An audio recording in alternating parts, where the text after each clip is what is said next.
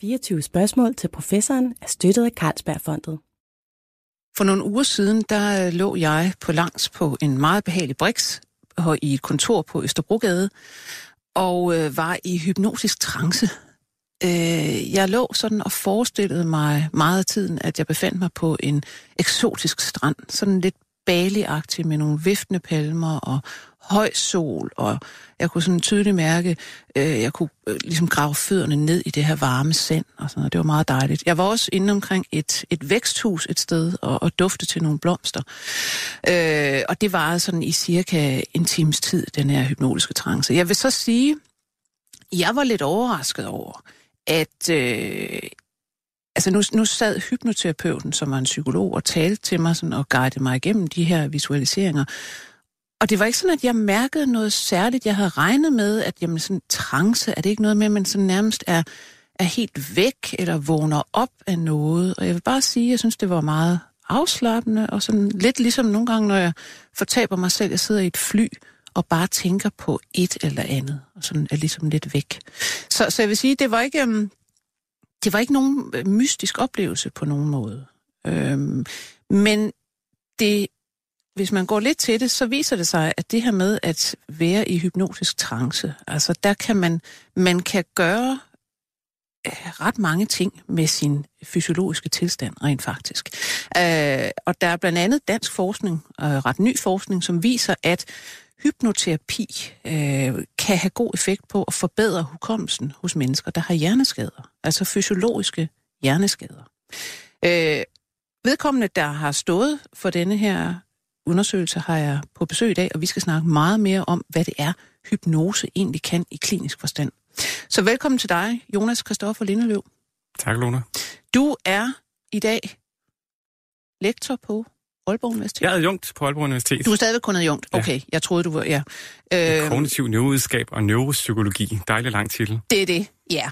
Og øh, vi skal som sagt snakke meget mere om det her med hypnose, hvad det er, det kan. Men prøv først lige at give et kort overblik over, hvad er der af sådan, øh, hvor der er god evidens for kliniske effekter af hypnoterapi?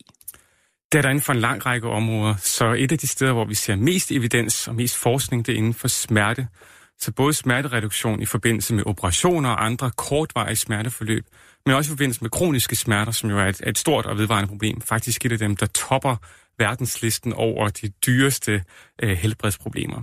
Så smerte er et, er et meget veludforsket område inden for hypnose, og bliver også brugt som model for at finde ud af, hvad hypnose egentlig er. Det bliver forsket i MR-scanner og med EEG og en række fysiologiske mål. Øh, men derudover så er der en række andre områder. Øh, inden for det mere psykiatriske er det meget inden for angst, mm-hmm. fobier, øh, hvor at vi ser nogle, nogle meget, meget store effekter. Øh, og så findes der en række forskning på, øh, en, øh, ud over hele landskabet af, hvad man kunne forestille sig, at man gerne vil have det bedre med som mennesker. Kan man bruge hypnose i forbindelse med at forbedre ens hukommelse? Kan man bruge hypnose i forbindelse med at lindre søvbesvær osv.? Og inden for dem er, er det lidt mere tvivlsomt, hvor, hvor stor en effekt man kan opnå. Det vil sige, en af de ting, der kendetegner øh, effekten af hypnose, det er omkostningseffektivitet. Ja. Det er ikke sådan, at man med hypnose altid opnår radikalt nye eller radikalt større effekter, men de bliver opnået med meget større konsistens. Det vil sige, at der er mange flere, der kan opnå positive effekter, og meget hurtigere.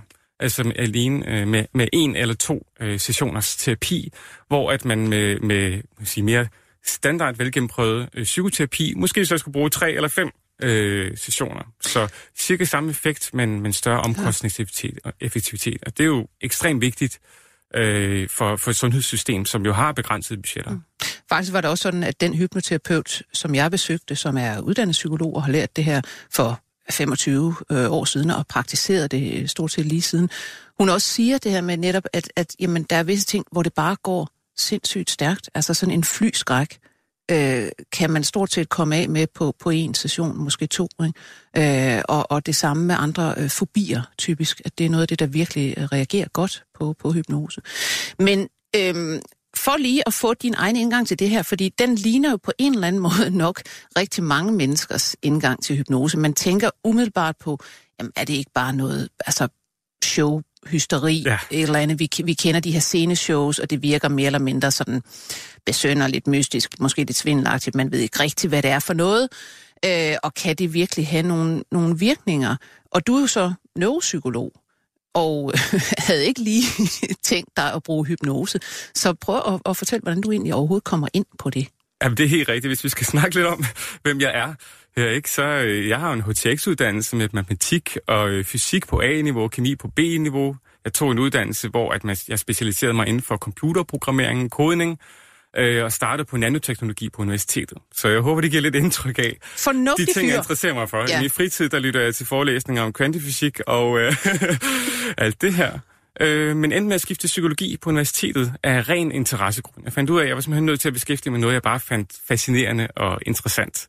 Så måtte jeg jo finde et eller andet at arbejde med bagefter. Og, og jeg synes stadig, det er øh, virkelig, virkelig spændende at arbejde med. Men jeg har interesseret mig inden for neuropsykologien, som du også nævnte. Altså hjernens anatomi, kan vi mm. forstå den her menneskelige tænkning, vores subjektive oplevelser i en fysisk verden. Det, det er ja. et virkelig interessant projekt. Øhm, og et af de steder, hvor at the, the rubber hits the road, mm. som man mm. siger på engelsk, ja. det er i forbindelse med hjerneskader. Ja. Altså når vi ser en fysisk skade i hjernen, og kan se, hvilke ændringer det medfører i menneskelig tænkning. Ja. Det er naturens ondsindede måde at vise os, hvad sammenhængen er mellem... Naturens eksperimenter, Ja, det fysiske ja. og, og det psykiske. Ja. Og i forbindelse med den interesse, så var jeg i uh, 2008, tror jeg det må være, uh, på et praktikophold uh, på Hammel Center, ja. hvor jeg ligesom kunne få førstehåndsoplevelsen af det. Og det er meget, øh, det er et center for, for genoptræning? Ja, det er simpelthen et af de største og mest specialiserede øh, centre for, for genoptræning, faktisk mm. i Norden. Ja. Øhm, rigtig godt sted at være. De har en, øh, deres egen forskningsafdeling der. Og noget af det, som er slående både i virkeligheden, og også når man læser litteraturen, det er, at rigtig mange personer med erhverv hjerneskade, de har problemer med at holde opmærksomheden. De føler, at deres opmærksomhed fluktuerer eller ikke er relevante steder, og at øhm, de har store problemer med korttidshukommelsen ja. på sådan en meget specifik måde, nemlig at hvis man bliver forstyrret af noget, så er det som om den information, der er i hukommelsen i forvejen, den popper ud. Ja. Og det er et stort problem selvfølgelig bare for dem som patienter, men også i rehabilitering. Ja. Fordi prøv at lave øh, for eksempel motorisk genoptræning med en person, som er udmattet efter fem ja. minutter. Ja. Øhm, så jeg interesserer mig meget for det her, som kan forstås som en opmærksomhedsforstyrrelse, eller reduktion, det man kalder arbejdsudkommelse. Ja. Det kan være, vi kommer ind på det senere, men, men det er et stort problem. Og samtidig med, så var jeg selv begyndt at praktisere noget mindfulness i fritiden. Ikke fordi jeg sådan, synes, jeg havde brug for det, jeg synes bare, det var spændende. Mm, ja. øhm, og kigge lidt på litteraturen der, og meget af den forskning, i hvert fald på daværende tidspunkt, omtalt mindfulness som en opmærksomhedstræning. Ja. Og så kan det også være, at lytterne derude, de kan lægge to og to sammen, hvis vi har en metode til at lave opmærksomhedstræning, og vi har en patientgruppe, der har voldsomt brug for opmærksomhedstræning, så kan det være, at vi skal lave mindfulness. mindfulness ja. på de her patienter. Ja. Så havde jeg jo en vejleder på det tidspunkt, øh, professor Morten Overgaard, øh, som forskede i bevidsthedsfilosofi. Og på det tidspunkt var hypnose begyndt at finde indpas som en metode til at manipulere folks bevidsthedstilstande. Ja. Altså en måde, hvor vi som forskere kan opnå meget høj grad af, hvad personen oplever. Så når du beskriver, at du lå i en, i en uh, trancetilstand, mm. og du oplevede at være i et væksthus, ja. jamen det er jo noget, hypnotisøren fortalte dig. Ja. Øhm, så han slyngede ud, så han på god professorvis, Jonas, hvad nu hvis vi laver hypnose på de her øh, patienter? Han kendte en hypnotisør, og, og det kunne vi godt få op på benene. Og min første reaktion, det var, Nej, nej, nej. Nej. nej. det er crazy nok med bevidsthed. Ja. Øh, vi har, jeg har ikke brug for at, at bevæge mig ud i alt det her alternativ. Jeg arbejder videnskabeligt, mm. øhm, og, og det, det, det har jeg egentlig ikke lyst til. Men, men, øh, men, men han er professor af en grund. Han ved, hvad han taler om. Øh, og så jeg prøver lige at gå hjem og kigge på litteraturen. Ja. Og det gjorde jeg så. Og det var så min første møde med den her meget, meget grundige forskning, der ligger i hypnose. Man kan sige, herhjemme har, kender vi vel øh, Bobby Zachary ja. for Aarhus Universitet, øh, psykolog, som i mange år faktisk har, har forsket i, øh, i hypnose blandt andet, og eksperimenteret meget med det, og set fysiologiske virkninger, beskrevet dem osv. Så, så, så der er foregået lidt herhjemme, men rigtig meget mange andre steder, faktisk. Det er rigtigt, øh, ud over hele verden. Jeg vil sige, specielt siden 90'erne, så har neuroforskning rigtig, øh, rigtig fulgt med. Øhm, Så det, jeg kunne se, var netop det her billede af, at det er en virkelig god eksperimentel kontrol over det menneskelige sind. Ikke på den her måde, som vi forstår fra showhypnose, hvor at man får indtryk af, at hypnotisøren ligesom bare kan gøre, hvad han vil, men, øh, men, men i et samspil, ikke? hvor at man som klient prøver at spille med på de her idéer, så kan vi faktisk opnå meget stor grad af kontrol over, hvad vi, vores hukommelse, vores sanser, øh, hvad vi oplever med kroppen. Vi behøver ikke at sanse det, som er i vores fysiske miljø. Vi kan simpelthen sanse det, som hypnotisøren siger, at vi ja, skal sanse. Ja. Jeg vil sige, det, det er altså... meget interessant fra et psykologisk synspunkt, ja. at man på den måde kan opnå meget stærk mm. øh, top-down-processer, som man siger. Altså, at de ja. indre idéer former, så at sige, den, hvad vi tror, der kommer ind af information fra omverdenen. Ja, præcis. Øh, jeg lagde jo mærke til det, da jeg øh, lå øh, og forsøgte mig med, med hypnoterapi der. Og der, noget af det første, øh, terapeuten sagde til mig, var også det der, med, altså hun skulle forklare hypnose for mig, at hun siger, det er jo ikke noget, jeg kan lave, hvis, hvis øh, klienten eller patienten ikke er med på det. Altså, det er jo ikke noget, man bare ja. kan gøre. Altså, der skal også være en ordentlig forbindelse mellem os to. Ellers så, ellers så vil jeg lave en anden form for terapi. Altså, det, det, det går ikke, hvis der ikke er en anden form for rapport, og, og at, at vedkommende faktisk vil, vil prøve det her, fordi man skal ligesom være med på det. Og mange har jo også skrevet om scenehypnose, at det handler rigtig meget om altså showmanship, man kan få noget til at se ud af noget, og så også, at dem, der ligesom er manipulerbare og hypnotiserbare, øh, og, og også med på det, er dem, der kommer op på scenen. Og så, så går det ligesom, ikke? Altså, ja, på så den måde er det få ligesom... det til at se ud som... Som alt andet øh, psykoterapi og også coachingforløb, mm. at man skal have en alliance, det ja. kan en terapeutisk alliance, ja. og arbejde med, som er den her gensidige tillid, specielt selvfølgelig fra klienten til, øh, mm. til hypnotisøren eller, eller terapeuten. Mm. Og det er det, der skal facilitere, faciliteres, facilitere effekten. Og nogle folk er bare lidt mere tillidsfulde, eller klar til at indgå i, i de her øh, alliancer. Ja. Men, men interessant nok, så er det jo også at spørge, hvad, hvad er hypnose overhovedet? Fordi det er jo faktisk ret svært at forklare. Altså, hvad er det for en tilstand, og hvordan er den forskellig fra, lad os sige, en hvilken som helst type afslappning? Hvor langt er man kommet med det? Altså, det her, hvis jeg gav svar på det her lige nu, så vil, øh, så vil halvdelen af forskerstanden uh, sidde og juble, og den anden halvdel vil sidde og skrive redde læserbreve til mig. Mm. Der er ikke nogen uh, konsensusdefinition. Vi, vi er rimelig tæt på uh, med APA, der blandt andet har omtalt... Som er den amerikanske psykologforening. Ja, lige præcis. American Psychological Association, som uh, har omtalt hypnose som en meget fokuseret bevidsthedstilstand, hvor at man kan ændre sin perception, det vil sige, hvordan man opfatter omverdenen, hukommelse øhm, og også emotioner. Øh, det er, jeg vil sige, det markerer inden for hvilke, man kan sige, boldbane, at mm. hypnose beskæftiger sig på, men det indrammer en masse andre ting. Det rammer ikke præcist. Nej. Så det samme gælder jo hypno, øh, undskyld, meditation, ja. for eksempel. Ja. Øh, det samme kan gælde visse, øh, hvilke, visse stoffer, man tager. Ja. Øh, psykoaktive stoffer som amfetamin osv.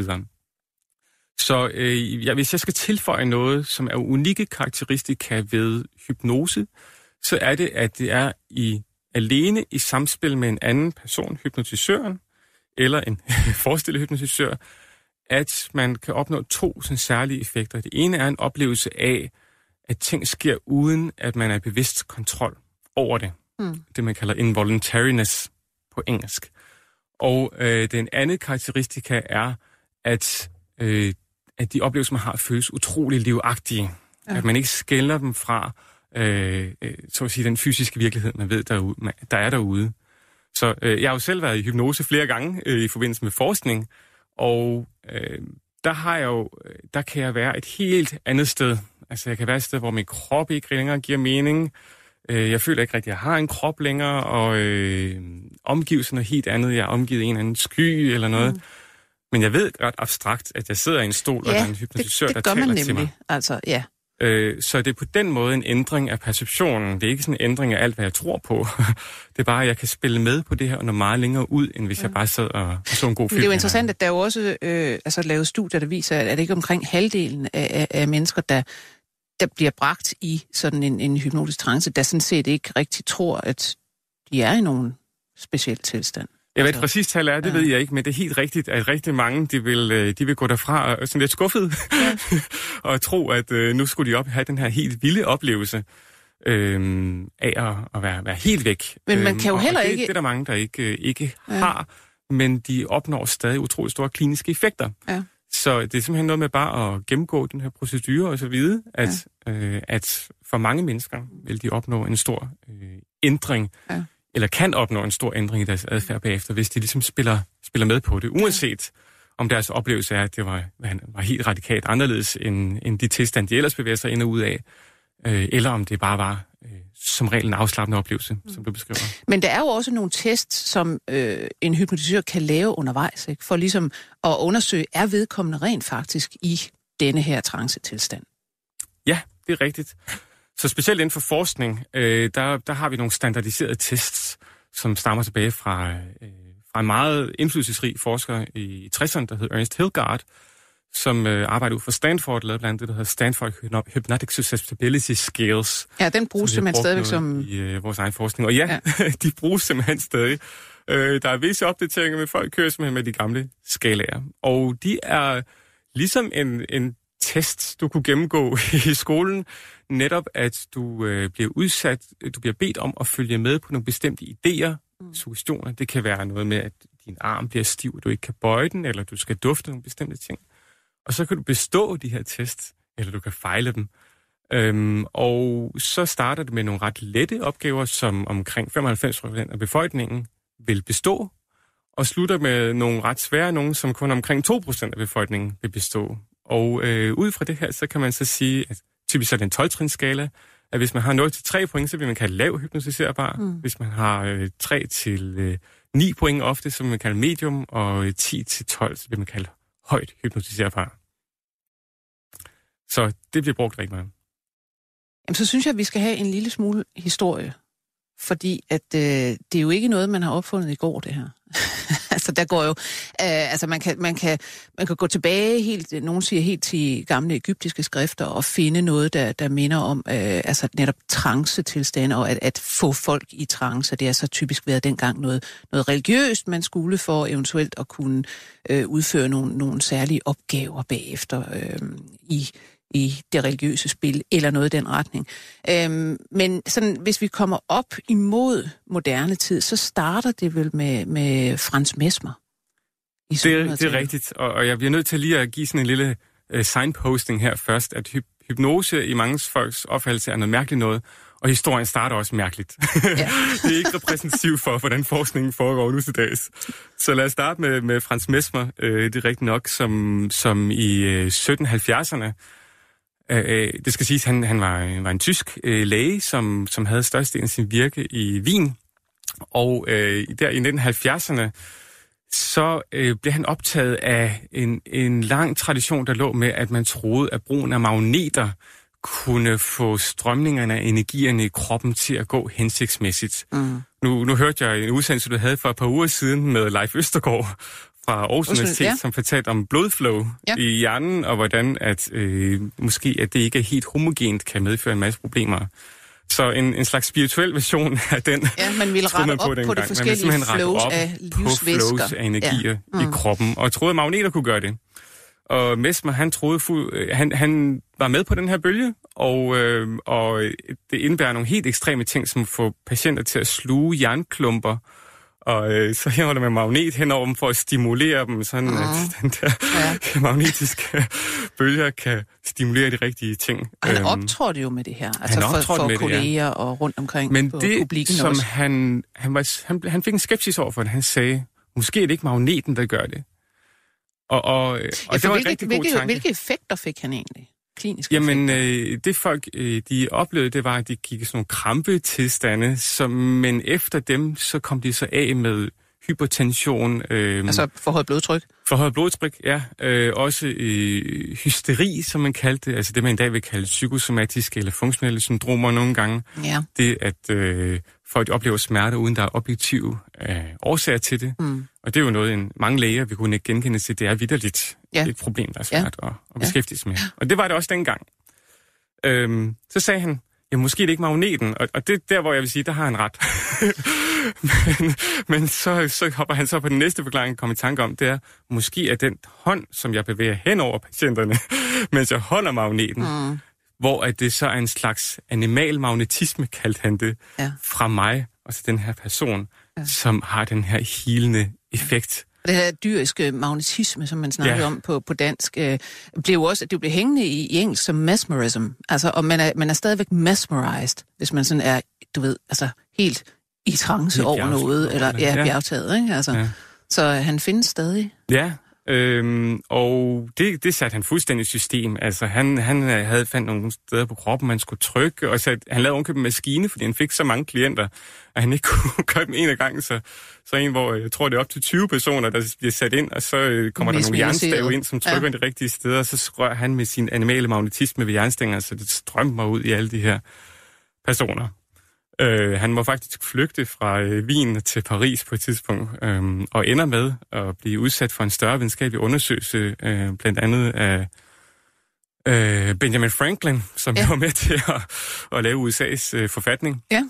Øh, hvor de erklærede... Men som jo også interesserede en- frygtelig meget for elektricitet. Ja, nemlig. Så, han var jo... Øh, ja. Hvad er det, man kalder det? Ja, han, han, han var dygtig inden for mange videnskabelige ja. discipliner, og, og erklærede, at der var simpelthen ikke noget om den her fysiologiske forklaring, som Mesmer han kom med.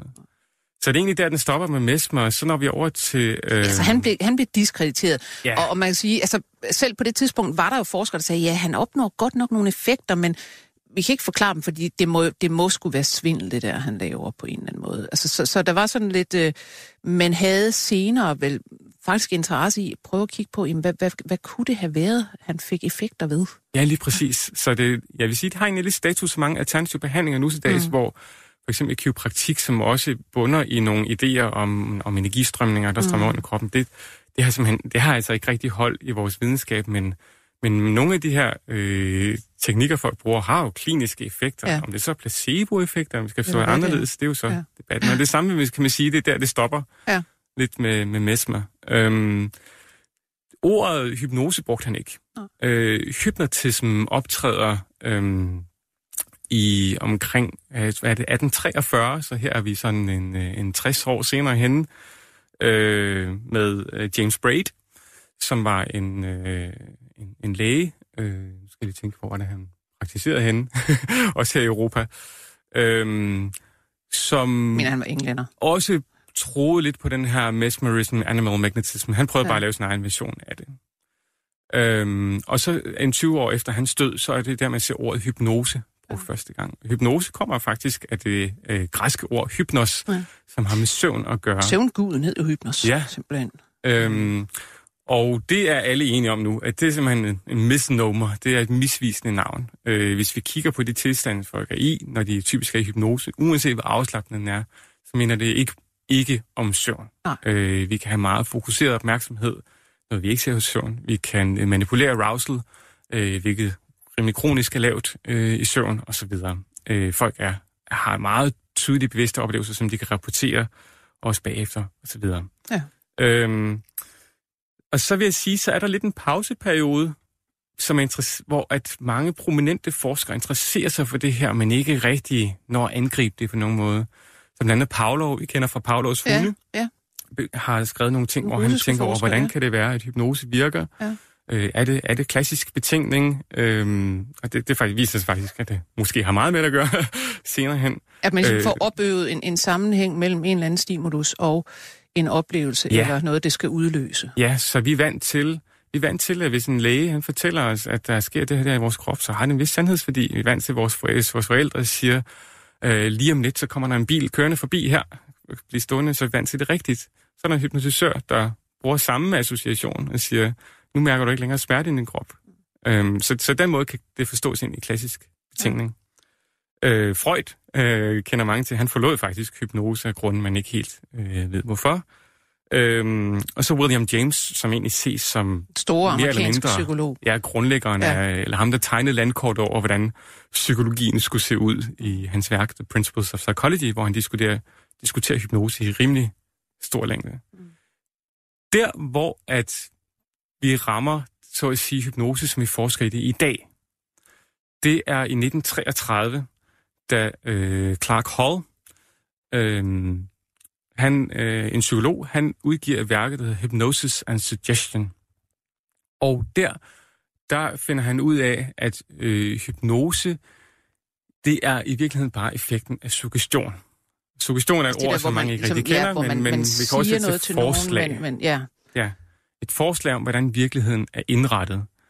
Øh, så hvis jeg øh, siger, mærk, øh, nu, nu mærker du noget på din øh, højre balle, mm Øh, det er virkelig det, altså, det, vores allesammens yogalærer gør, når, når de, vi ligger der, og de siger, mærk nu, hvordan øh, din ja. højre fod er totalt afslappet. Ja. Mærk, hvordan bagsiden af benene, og så videre, og så videre. Det er en form for suggestion. Der er suggestioner over ja. det hele omkring ja. os. Jeg, jeg, synger, jeg får sikkert slynget mange sted her. Mm. øhm, øh, så det, det er der ikke noget mystisk i. Og øh, det, han gør meget grundigt, er, at han prøver at levere den samme intervention eller sige de samme ord i hypnose, og uden for hypnose observere effekterne går den samme vej. Øh, så han, han er den første, der adskiller hypnose-tilstand mm. fra effekten af suggestioner. Og siger, at det er suggestioner, der er det vigtige, og hypnosetilstand er så at sige krydderi, eller en, den, en, den, en procedure, der hjælper Den, den booster det hele, den booster effekten ja. af det, der bliver sagt, kan booster, ja, ja, lige præcis. Af en eller anden grund. Øh, og, og det er virkelig noget, der så, så ser man der i 40'erne og frem efter, der begynder det virkelig til fart, at man begynder at kunne undersøge det her systematisk. Det skal også siges, at det Hall gjorde var at han gik ud og lavede empiriske undersøgelser. Han havde ikke bare et par interessante case studies, som han rejste rundt med, men lavede undersøgelser på store mæng- mængder mennesker. Så, så det, at det ligesom bliver tilgængeligt for den her type undersøgelser, mm. var en stor landvinding. Og blandt andet der, hvor, som jeg sagde før, at uh, Hilgard uh, kom ind og gav os nogle redskaber til at måle hypnose, med øh, den her skala, hvor man ligesom i trance giver ja. folk nogle opgaver, som ja. de består eller, eller fejler. Lige præcis. Øhm, interessant nok er det jo også, at, at man, man har jo rent faktisk brugt det klinisk, altså før 30'erne, i for eksempel den amerikanske borgerkrig, øh, brugte man det en del i felten. Altså øh, kirurger, der skulle øh, hvad det hedder, skære uden bedøvelse og ting og sager, de kunne altså bruge de her øh, hypnoseteknikker øh, og, og, og det er beskrevet senere. Og, og noget af det, hvor man i, i moderne tid netop altså ser virkelig drastiske virkninger, det er jo faktisk også det her med at bruge det til, øh, til smerte, og specielt til, til operation. Øh, altså, der er en belgisk forsker, Marie Elisabeth Femonville, som har fået sådan et... Øh, altså, hun er vel egentlig den, der har gjort mest for øh, skal man sige, udbrede hypnose i forhold til øh, operationer, smertebehandling ja. osv. osv. Hun sidder i Liège, og man, man kan se, man kan faktisk gå ind på, på nettet og finde videoer, hvor folk bliver opereret i hypnose, og, og stort set uden bedøvelse. Altså det er folk, der ikke af en eller anden grund ikke kan tåle bedøvelsesmidler, eller hvad det nu er. Så sidder der en, en, øh, en hypnoterapeut, en hypnotisør, og taler lidt til dem, sådan, ja, du forestiller dig sådan og sådan, og, og, og så kan man altså se, at der, deres, du ved, deres underliv bliver skåret op, eller hvad det nu er, de får foretaget øh, forskellige meget, meget smertefulde øh, procedurer på sig. Normalt smertefulde. Ja, normalt smertefulde, men de mærker det faktisk ikke. Øhm, og det, det er altså, jeg vil sige, det er meget spektakulært at se, meget besynderligt. Men, men øh, det virker rent faktisk. Og for eksempel der i LES, der, der bruger man det altså øh, rutinmæssigt, simpelthen, på, på visse patientpopulationer. Ja, det har jo en række fordele. Altså for det første, så øh, det at lave øh, sedation øh, farmakologisk er jo en længerevarende proces. Det kræver, at der er to øh, anestesilæger til stede, og, øh, og man skal, der skal være observation og opvågning. Og alt det, det kan man jo komme udenom ved at lave hypnose i stedet for. Desuden, øh, nu er anestesi jo et, et, et rigtig veludviklet fag, men man kommer ikke udenom, at, øh, at de, her, de har nogle omkostninger. De, øh, de sænker sårheling øh, og så videre. Ikke radikalt, skal siges. Øh, under alle omstændigheder tage imod det, hvis du bliver tilbudt det. Mm. Øhm, men, men vi ser, at blandt andet sådan noget som sovheling går hurtigere ved hypnose. Igen, ikke radikalt hurtigt. Det er ikke sådan, at man kan sidde og kigge på sit sår, og så går Nej. det hurtigere. Men i gennemsnit det, det, det for en gruppe af patienter, så vil, øh, vil, vil det gå hurtigere. Mm. Øhm, og, og først og fremmest så har det en stor effekt. Altså, forskningen undersøger mange sider af den her effekt i forbindelse med hypnosituation øh, men også bare hypnose i forbindelse med kirurgiske indgreb i hele taget. Og noget af det, der måske kan være en mekanisme, i hvert fald det, det med sårhedning, er simpelthen simpel angstreduktion. Ja.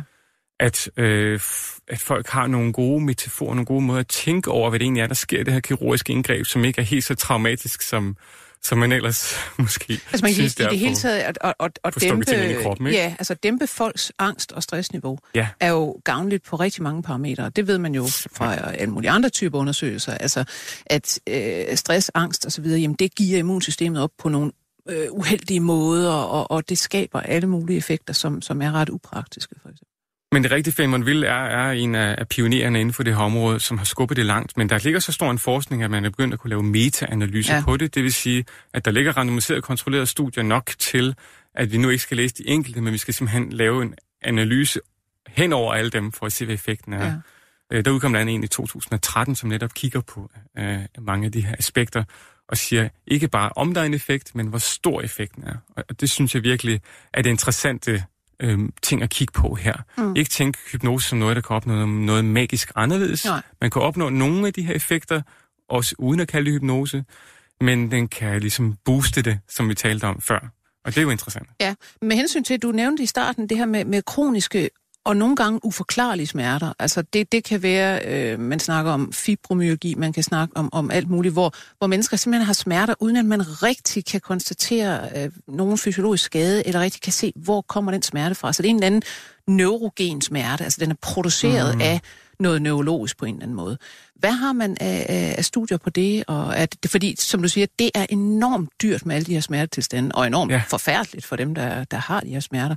Så der må, der må man lave øh, nogle undersøgelser, går jeg ud fra, på, kan man styre det med sådan noget hypnose, og selvhypnose jo? Ja, øh, der er lavet undersøgelser af det, øh, der, og Cochrane har faktisk lavet et review over øh, brugen af hypnose i forbindelse med kronisk smertetilstand.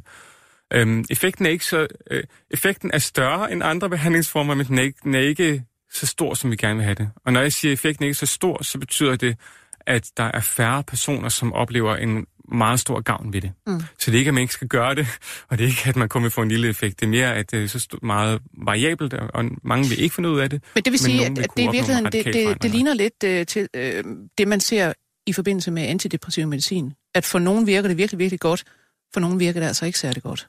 Ja. Så, så det er ikke noget med, at alle får en lille bitte virkning, men nogen får tilfældigvis, og man ved ikke hvorfor, en rigtig stor virkning, og andre gør ikke. Ja, og, og faktisk så er det det, der gælder for nærmest al statistik. Og det er her, hvor at, øh, øh, at videnskabsjournalister øh, mm. virkelig også har en opgave øh, i, at når nogen siger, nu er der en signifikant effekt, eller den her effekt bliver reduceret for øh, øh, med 30 procent, jamen så det gælder det jo ikke for os alle sammen. Nej. Der er nogen, der opnår meget stor effekt, og nogen, der opnår mindre effekt. Øh, det er simpelthen bare det, der hedder øh, usikkerhed. Og man kan sige, hvis det er i forbindelse med... Og det gælder med, for alle effekter. Ja, og sådan noget som hypnose, kan man sige, det, det er ret... Det skader i hvert fald ikke, hvis man så går ind og prøver det, og ser, virker det for dig? Når det gjorde det ikke, eller jo, det gjorde det.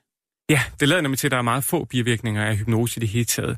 Altså vil sige, i min egen forskning, der, der screener vi fra, om, om øh, de klienter, vi har, om de har haft psykotiske episoder tidligere, øh, for eksempel skizofreni eller andet, eller disponeret til det, men mm-hmm. det er mhm. egentlig bare en sikkerhedsforanstaltning. Ja. Øh, i 60'erne og 70'erne, hvor man jo var meget interesseret i psykoaktive stoffer og alt muligt alternativt, der brugte man, øh, prøvede man at se, hvad, hvad, hvad hvis vi kan hypnose sammen med LSD og så videre. Og der opsætter man med ikke meget bekendt nogle alvorlige bivirkninger, men jeg synes stadig, det er okay lige at gå med, med livrem og se det, når man, når man bevæger sig lidt ja. ud for, for det normale område. Ikke? Jo, så det vil sige, at, at hvis der kommer nogle mennesker med, med store psykiske vanskeligheder, eventuelt noget med vrangforestillinger og den slags, til en, en psykolog og siger, jeg vil gerne hypnotiseres til et eller andet, så skulle man måske lige passe på. Ja, pas på vil være det rigtige at sige. Ja. Øh, specielt inden for forskning, der vil vi virkelig gerne være, være sikre. Der er meget høj, der skal være en meget høj sikkerhed ved at sige ja til være forsøgsperson, uanset hvad. Klinikere kan måske tillade sig at gå lidt mere eksperimentelt til værks, men ja, øh, det, jeg vil i hvert fald helt sikkert tage en autoriseret psykolog, som hvis nu noget går lidt ud af en sidevej, så er der et sikkerhedsnet, man kan blive grebet af. Ja. Men lad os lige tage fat i, så hvad vi ved med hensyn. Nu har vi snakker om kliniske undersøgelser, hvor man jo kigger udefra, men man har jo selvfølgelig også øh, med, øh, så længe man har haft hjerneskanner til rådighed, forsøgt at se på, jamen hvad pågår det, der sker inde i hovedet på folk. Altså, og man kan jo ikke, man kan ikke se noget bestemt øh, hvad skal man sige, hjerneområde eller et særligt mønster af hjerneaktivitet, der karakteriserer trancetilstanden. Men, øh, men man kan jo se for eksempel, at det er ret vildt, når man laver forsøg med øh, mennesker, hvor man tilføjer dem smerte øh, ude af hypnose og mens de er i hypnose, og se, hvordan øh, altså, det, hvad skal man sige, hjernens overordnede sådan, øh, behandlingsområder, eller de områder, der har med, med, med smertesignalering at gøre, simpelthen slår fra, stort set. Ja, og, og her er vi tilbage til det, det gamle koncept med hypnose lader til at booste normale mekanismer, så vi kan godt normalt ved at tænke anderledes som smerte opnå en såkaldt gate control effekt, hvor man allerede helt nede i ryggraden øh, slår nogle af smertesignalerne ud igennem sådan nogle opioide systemer. Det samme, der sker, når man tager øh, øh, hvad hedder det? Øh, heroin og sådan noget. Ja. Øhm, men det er rigtigt, at noget af det, der har interesseret øh, hjerneforskere, blandt andet mig meget, er, at vi simpelthen kan opnå så stor smertereduktion, at hjernen ser ud som om den er ligeglad. Mm. Der er ikke, statistisk set, ikke nogen bearbejdning af smerte, De smerteimpulser, som af, af stærke smertesignaler fra det perifære nervesystem, ja. altså ude i kroppen, øh, i, i hjernen. Øh, man kan simpelthen ikke se forskel på, om der er tændt for, i det her tilfælde, en laser, som aktiverer nogle receptorer i huden, øh, som du og jeg, vi vil ikke have lyst til at lægge den scanner, mens den var tændt. Øh, man kan ikke se forskel på, om den er tændt eller slukket. Øh, når, og folk rapporterer heller ikke, at det når, går når, der, når, når de er i den her hypnose tilstand. Omvendt kan du så øh, få dem til at føle smerte og få hjernen til at processere en smerte, selvom der ikke er nogen. Ja, lige præcis. Så vi kan også slukke for laseren og så fortælle folk, nu er der tændt for laseren, når du mærker den her intense smerte i din hånd. Og der opnår vi så øh, en hjerneaktivitet, øh, der afspejler meget tæt den, som hvis der var tændt for den rigtige hjerneaktivitet. Øh, undskyld, for den rigtige øh, laser. Mm, ja. øh, og det, er, det her det er så inden for smerteforskning, ikke? men det er egentlig en meget generelt princip om, hvordan, menneske, hvordan hjernen øh, reagerer på, øh, når vi taler med hinanden, men i det hele taget, når, når vi tænker på øh, forestiller os ting, vores forestillingsevne eller imagery, som det hedder på engelsk. Altså, øh, det, det er når vi skaber billeder i hovedet, så er der jo hjerneaktivitet der, hvor hvis, vi, hvis jeg tænker på, nu går jeg hen ad gaden, så kan man ja. konstatere hjerneaktivitet i områder, der ville være aktiv, hvis jeg faktisk gik hen ad gaden. Ja, lige præcis. Så det vil være det primære motoriske cortex øh, i de områder, der har sandsynligvis meget med benene at gøre. Også somatosensorisk, den øh, sensoriske øh, oplevelser, der vil være af at bevæge benene. Og måske også noget visuelt, hvis du rent forestiller dig, at du går hen af øh, Frederiksmagergade er vi på her. Frederiksmagergade, ja. Øh, så, så det er jo, altså det er, hjernen er en simulator af, af, af det, vi gør, og det, vi forestiller os. Og det hypnose, eller hypnosetilstanden så gør, er måske at, at intensivere den aktivitet. Det lader det til, ja. Øh, nu er vi lidt tilbage ved den her definition af hypnose, eller hvad der karakteriserer hypnose, som en fokuseret opmærksomhedstilstand. Og her skal fokuseret ikke forstås som, når vi fokuserer med et kamera og zoomer ind på noget, men fokuseret skal forstås på den måde, at vores opmærksomhed er tildelt nogle få kvaliteter. Om det er idéer, om det er sanser for kroppen, øh, om det er nogle emotioner. Og forstærker ligesom, hvor, hvor godt, hvor tydeligt vi bearbejder dem. Øh, og der er det rigtigt, at der ser vi så en markant øgning i hjerneaktivitet, simpelthen øh, hvor meget neuronerne arbejder i de områder, der bearbejder det. Så før vil det så være primærmotorisk cortex. Havde du forestillet noget andet, for eksempel smerte, jamen så vil det være nogle andre områder, øh, og så videre. Hvis du tænker på nogle af dine autobiografiske minder, altså nogle oplevelser, du har haft tid i dit liv, så ser vi også, at det er nogle af de områder, hvor man ser en øget hjerneaktivitet. Nu nævnte du det her med opmærksomhed øh, og fokus. Og så synes jeg, at vi skal tage øh, og gå tilbage til dit eget forsøg med hypnose, fordi der var udgangspunktet jo netop, at du havde de her hjerneskadede mennesker. De har meget, meget svært ved at fokusere. Du vil gerne prøve at lave en intervention, der øger deres fokus øh, eller deres evne for at have opmærksomhed på noget. Og så øh, øh, bruger du så hypnose og ser, hvad det kan gøre for deres korttidshukommelse. Det er rigtigt, ja. Og øh, det her er jo en idé, der opstod øh, ud fra den her sjove idé, som Morten Overgaard kom med, og en som, jeg, jeg vil lige sige med det samme, det er et fællesskab, øh, fælles arbejde mellem mig, Morten Overgaard og Rikke, øh, som er hypnotisør, Øh, så nu er det mig, der står og snakker her, men vi er ligesom teamet, der har arbejdet sammen om det her. Og den idé, vi brugte, var at prøve at trække på nogle af de øh, ressourcer, de har fra deres øh, dem, der har haft en erhverv hjerneskade, de har fra deres præmorbide liv, som man kalder det så fint. Man skal lige sige, at de her hjerneskader, altså det handler om, om mennesker, der har for eksempel har været ude for en hjerneblødning, eller en blodprop i hjernen, ja. eller et hjernetraume. Og, og der er simpelthen, øh, altså der er væv, der er øh, dødt, gået tabt. Der er simpelthen nogle, med nogle skader, man kan se. Ja. Og så har de det her med, at deres øh, arbejdsudkommelse specielt, som du nævnte, var rigtig, rigtig dårlig. Ja. Og det er, arbejdsudkommelsen er, kan man sige, det vi bruger, når vi lige nu og her er i gang med noget, men jo også skal kunne trække på noget, vi lige for kort tid siden øh, havde gang i. Ja, så, det er ligesom rammen i en computer for nørderne, men, men, øh, men, men simpelthen det at kunne holde noget i, arbejds, i korttidsudkommelsen, mens du manipulerer med det. Mm. Det vil sige sætte ting i sammenhæng. Nu står jeg og siger nogle ret lange sætninger, og det at kunne danne det, klumpe det sammen til en idé, man kalder det chunking. Mm. Øh, den første del af min sætning og den sidste del af min sætning, det er noget, der trækker meget på arbejdsudkommelsens evnen. Og øh, det kan man forestille sig, hvordan det er ikke at kunne det. Ja. Det er forfærdeligt at være til familiefester. Det er rigtig hårdt at være i et supermarked, hvor at der er mange stimuli rundt omkring, når man skal holde fokus på nogle bestemte varer, man skal købe, som man har i korttidsudkommelsen, og så videre. Og det er øh, det, som mange øh, af de her patienter, de vil ikke genkendende til.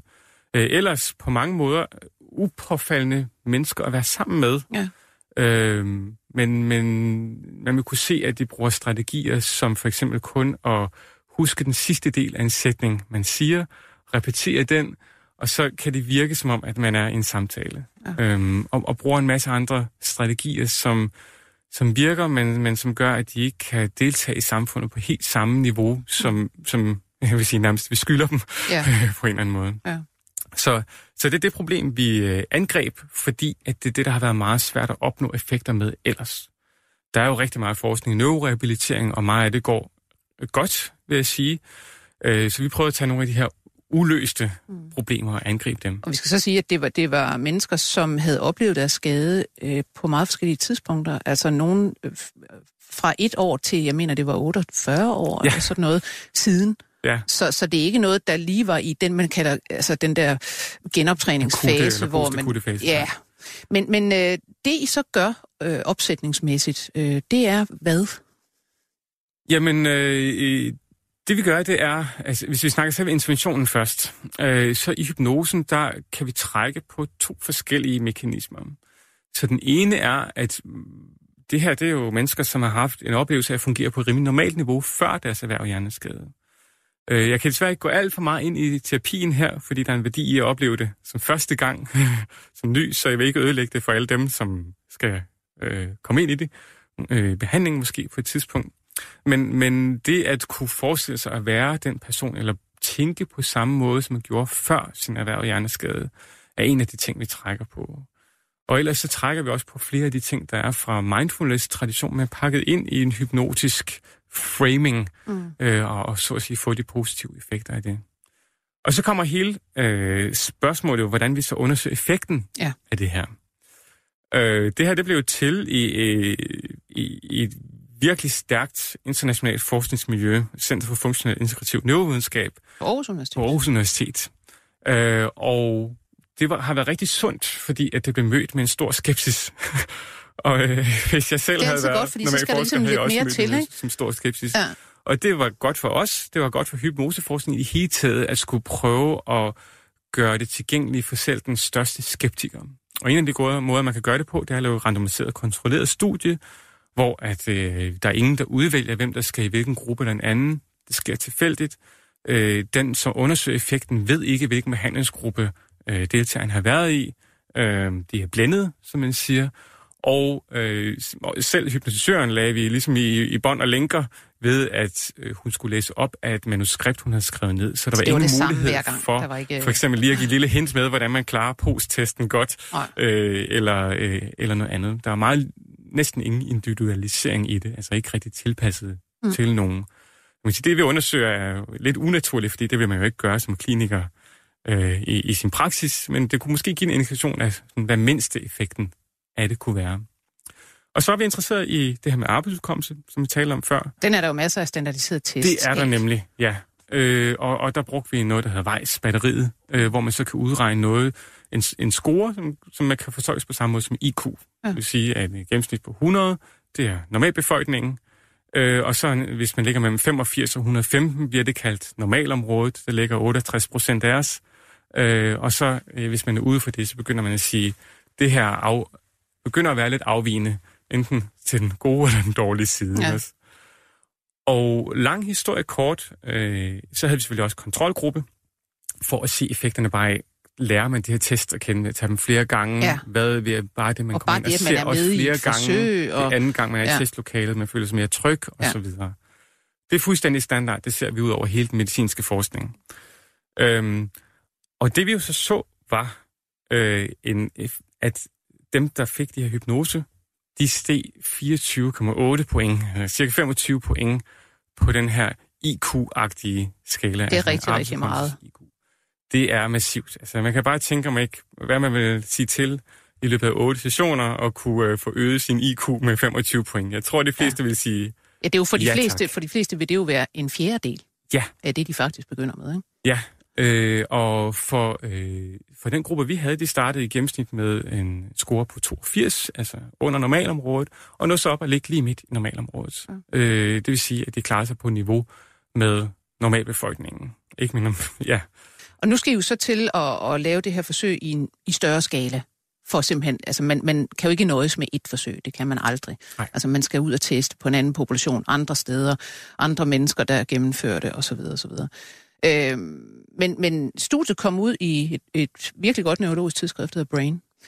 Men noget af det interessante, synes jeg, er, at, at de her mennesker, som du siger, altså faktisk får en forøgelse på cirka, altså på over en fjerdedel i gennemsnit af deres øh, øh, hvad skal man sige, øh, niveau for arbejdsudkommelse og kommer op i normalområdet, hvor de før har været sådan, at de var havde en, en vidderlig, en målbar defekt. Men mange af dem oplever det ikke selv, siger du. Det er rigtigt, ja. Så en af de specielle ting, som øh, i løbet af det her, jeg, jeg vidste ingenting, vi var blændet undervejs, men det, der viser sig bagefter, det er, at mange har den, den oplevelse, du indledte med at sige, Nå, jeg var i en lidt afslappet tilstand, jeg ved ikke, om det rigtig gjorde noget, måske en lille følelse af skuffelse, Mm. øh, fordi de havde troet på det her projekt. Og så, øh, det jeg har fået at vide af den, der tester dem til posttest, det er, han vidste jo ikke, hvilken behandling det er i, men han kan se, at der er nogen, der bare sidder og klarer det her langt over normalbefolkningen, som stadig sidder og siger, ej, Det har det svært. Det, det, det er svært, altså. Det, min hjerneskade, den, den går simpelthen ind og spiller mig pus her igen. Det, det er virkelig svært. Men deres, Og det er selv dem, der sidder og klarer sig til, til det, der svarer til en IQ på 140. men deres, deres pårørende sagde jo også, at de mærkede en forskel. Ja, nemlig. Så øh, vi har lavet det, der hedder en faktaanalyse på øh, alle de mål, vi har her. Det er simpelthen en måde at gruppere, hvilke effekter, der ligesom hører sammen. Du ved, hvis man forbedrer sig på en test, forbedrer Mm. man sig også på andre tester, er der en anden test, der bare ligesom ændrer sig uafhængig af det. Og det vi kan se, det er, at de objektive mål, det vil sige de tests, vi har lavet, og de pårørendes udtalelser, de hænger sammen. Ja. Men alle de andre ting, som har subjektiv at gøre med subjektive rapporter, hvordan man har det, om man selv oplever en forbedring. De er uafhængige. videre, De er uafhængige af det, Ja. og ligger rimelig stabilt. Men så er vi jo inde på noget af det, der virkelig er interessant, nemlig hvad, hvad i alverden kan virkningen være, fordi I har jo ikke helbredt deres hjerneskade. Altså fysiologisk eller øh, anatomisk er der jo ikke sket noget. Og det her er trods alt en virkning, I har set, øh, har holdt sig i, i de syv uger, I, I undersøgte bagefter, og I skal måske prøve længere ud, Ja. går jeg ud fra, i, i senere ja. forsøg. Ikke? Men øh, så, så, så hvor kommer virkningen fra? Puha, Ja. et godt Det er, spørgsmål. jo, det er jo netop meget, meget underligt, ikke? Ja, det er det. Øhm, altså først og fremmest skal jeg sige, at det her studie var jo lavet som næsten som en slags grundforskningsstudie, selvom det har det her kliniske setup. Så det her er jo nogle lidt mere kvalitative undersøgelser, vi har lavet af, hvad deres subjektive oplevelser er. Og det er noget af det, vi i den næste forskning, vi laver, går meget mere grundigt ind i. Se, hvad er effekterne egentlig på det levede hverdagsliv, mm. øh, på arbejdsmarkedstilknytning og den slags. Så øh, det er lidt, stadig lidt snævert, de resultater, vi har. Det skal ikke overfortolkes. Vi har bare set, at i et testlokale og på nogle bestemte spørgeskemaer, der er der de her effekter, ikke også? Øhm, Men det siger jo noget om også, eller det, det peger på, øh, og det mener jeg, du også øh, er ved at skrive en artikel om, at det kan jo også være noget med de her hjerneskader, øh, kan på en eller anden måde få folk til også at tænke anderledes om sig selv, og på en eller anden måde måske installere nogle bremser i deres egen kognition. Ja, så vi ved jo helt sikkert, at både efter traumatiske hjerneskader, som det man er udsat for i biluheld eller falder på cyklen, øh, og også de vaskulære, altså som er hjerneblødninger og blodpropper i hjernen, som forstyrrelse i, i blodflowet i hjernen, begge dele, det medfører øh, en række ubalancer i hjernen, som var op til flere måneder, hvor hjernen vidderligt fungerer dårligt øh, og der er ting, man ikke kan. Vi ser, at folk de mister taleevnen i visse perioder, øh, motorisk, altså det at bevæge sig rundt, kan være svært. Og selvfølgelig også på det kognitive, altså det har med vores hukommelse, opmærksomhed osv. at gøre. Og øhm, det kan, så, så er det, jeg spekulerer, selvfølgelig med en vis grund i, hvad vi mm, ellers ved fra ja. andre behandlinger, at i den periode, så er det jo, man skal stadig fungere som menneske. Så man finder nogle måder at komme omkring det på, øh, hvor at man begynder at bruge på ens pårørende til at huske ting for en. Man begynder at bruge, bruge på mere eksterne redskaber som huskelister osv. Øhm, og det bliver jo til vaner. Ja. Øh, og så ved vi, at hjernen har... Øh, i, hele, hele vores krop vender tilbage til den naturlige homeostase, så vidt den kan. Det kan den ikke her, der er tale om reelle vævsskader i hjernen, ja, også? Ja. Men det er den vej, den bevæger sig. Så det vil i hvert fald være en bevægelse hen mod et større man siger, fysiologisk funktionsniveau eller potentiale. Og det, jeg spekulerer på, det er, at måske går hypnose ind og kan, så at sige, få os til at bruge nogle af de funktioner igen, som vi ellers ligesom har erfaret ikke virkede det kan være, at hjernen faktisk har etableret det, men vi har ikke rigtig fået hul igennem, fordi vi har nogle vaner, der gør, at vi ja. ligesom har vendt os til, om jeg fungerer ikke så godt, så nu gør jeg det her i stedet for. Og det her, det er spekulationer. Det er, øh, jeg har fremlagt dem som det bedste bud lige nu, for at give en retning på, hvad det kunne være produktivt at forske i lige nu. Hvis jeg skal give et gæt, ikke? Mm. så vil jeg sige, at der måske, øh, hvis, hvis nu at øh, masse forskere kaster sig over det her, som 15 år, når vi står og snakker igen, sammen her igen, Lone, ja.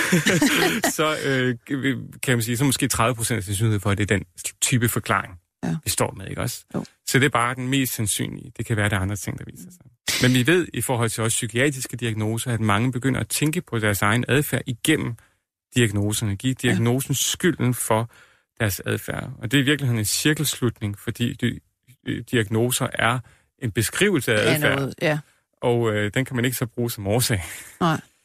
Og det er jo i hele taget, altså det kan man sige, i, i det samfund, den tid vi lever i nu, hvor der gives så mange diagnoser, og der er så meget øh, omkring de her diagnoser med, hvordan man så er osv., det kan måske i sig selv være rigtig, rigtig skadeligt nogle gange. Men det er jo til en helt anden udsendelse, vil jeg sige. Ja. Sådan meget kort her til sidst, fordi der sidder sikkert mange derude og tænker, placebo, er det ikke bare placebo? Men, men altså, placebo er jo også en, en virkning fysiologisk af noget, vi ikke rigtig ved, hvordan kommer i stand. Så vil du sige, at hypnose faktisk meget ligner placebo?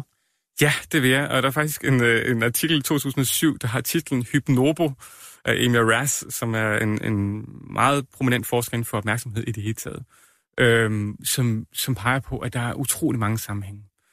Øh, øh, placeboeffekten bliver brugt systematisk af læger rundt omkring i verden. Ikke så meget i Danmark, men for eksempel i Schweiz, der er det omkring 80 procent af praktiserende læger, der bruger placebo, altså det at udskrive kagtabletter med suggestioner mm. om, at de virker nu får du noget, systematisk. Virker. Og det findes der faktisk en utrolig interessant litteratur om, hvordan man maksimerer placeboeffekten.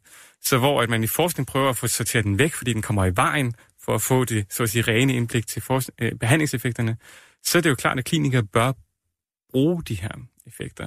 Og de måder at maksimere dem, det er det samme, som danner en god hypnose, som maksimerer hypnoseeffekten. Det bliver en opfordring herfra til et øh, sundhedssystem, som faktisk stort set ikke bruger hypnose, og i meget ringe grad placeboeffekter. Tusind tak til dig, Jonas Kristoffer Lindeløv. Tak fordi jeg måtte komme. Adjunkt i neuropsykologi på Aalborg Universitet. Jeg skal sige, at vi i dag var produceret af Peter Lindskov. Jeg hedder som sædvanligvis Lone Frank. 24 spørgsmål til professoren er støttet af Carlsbergfondet.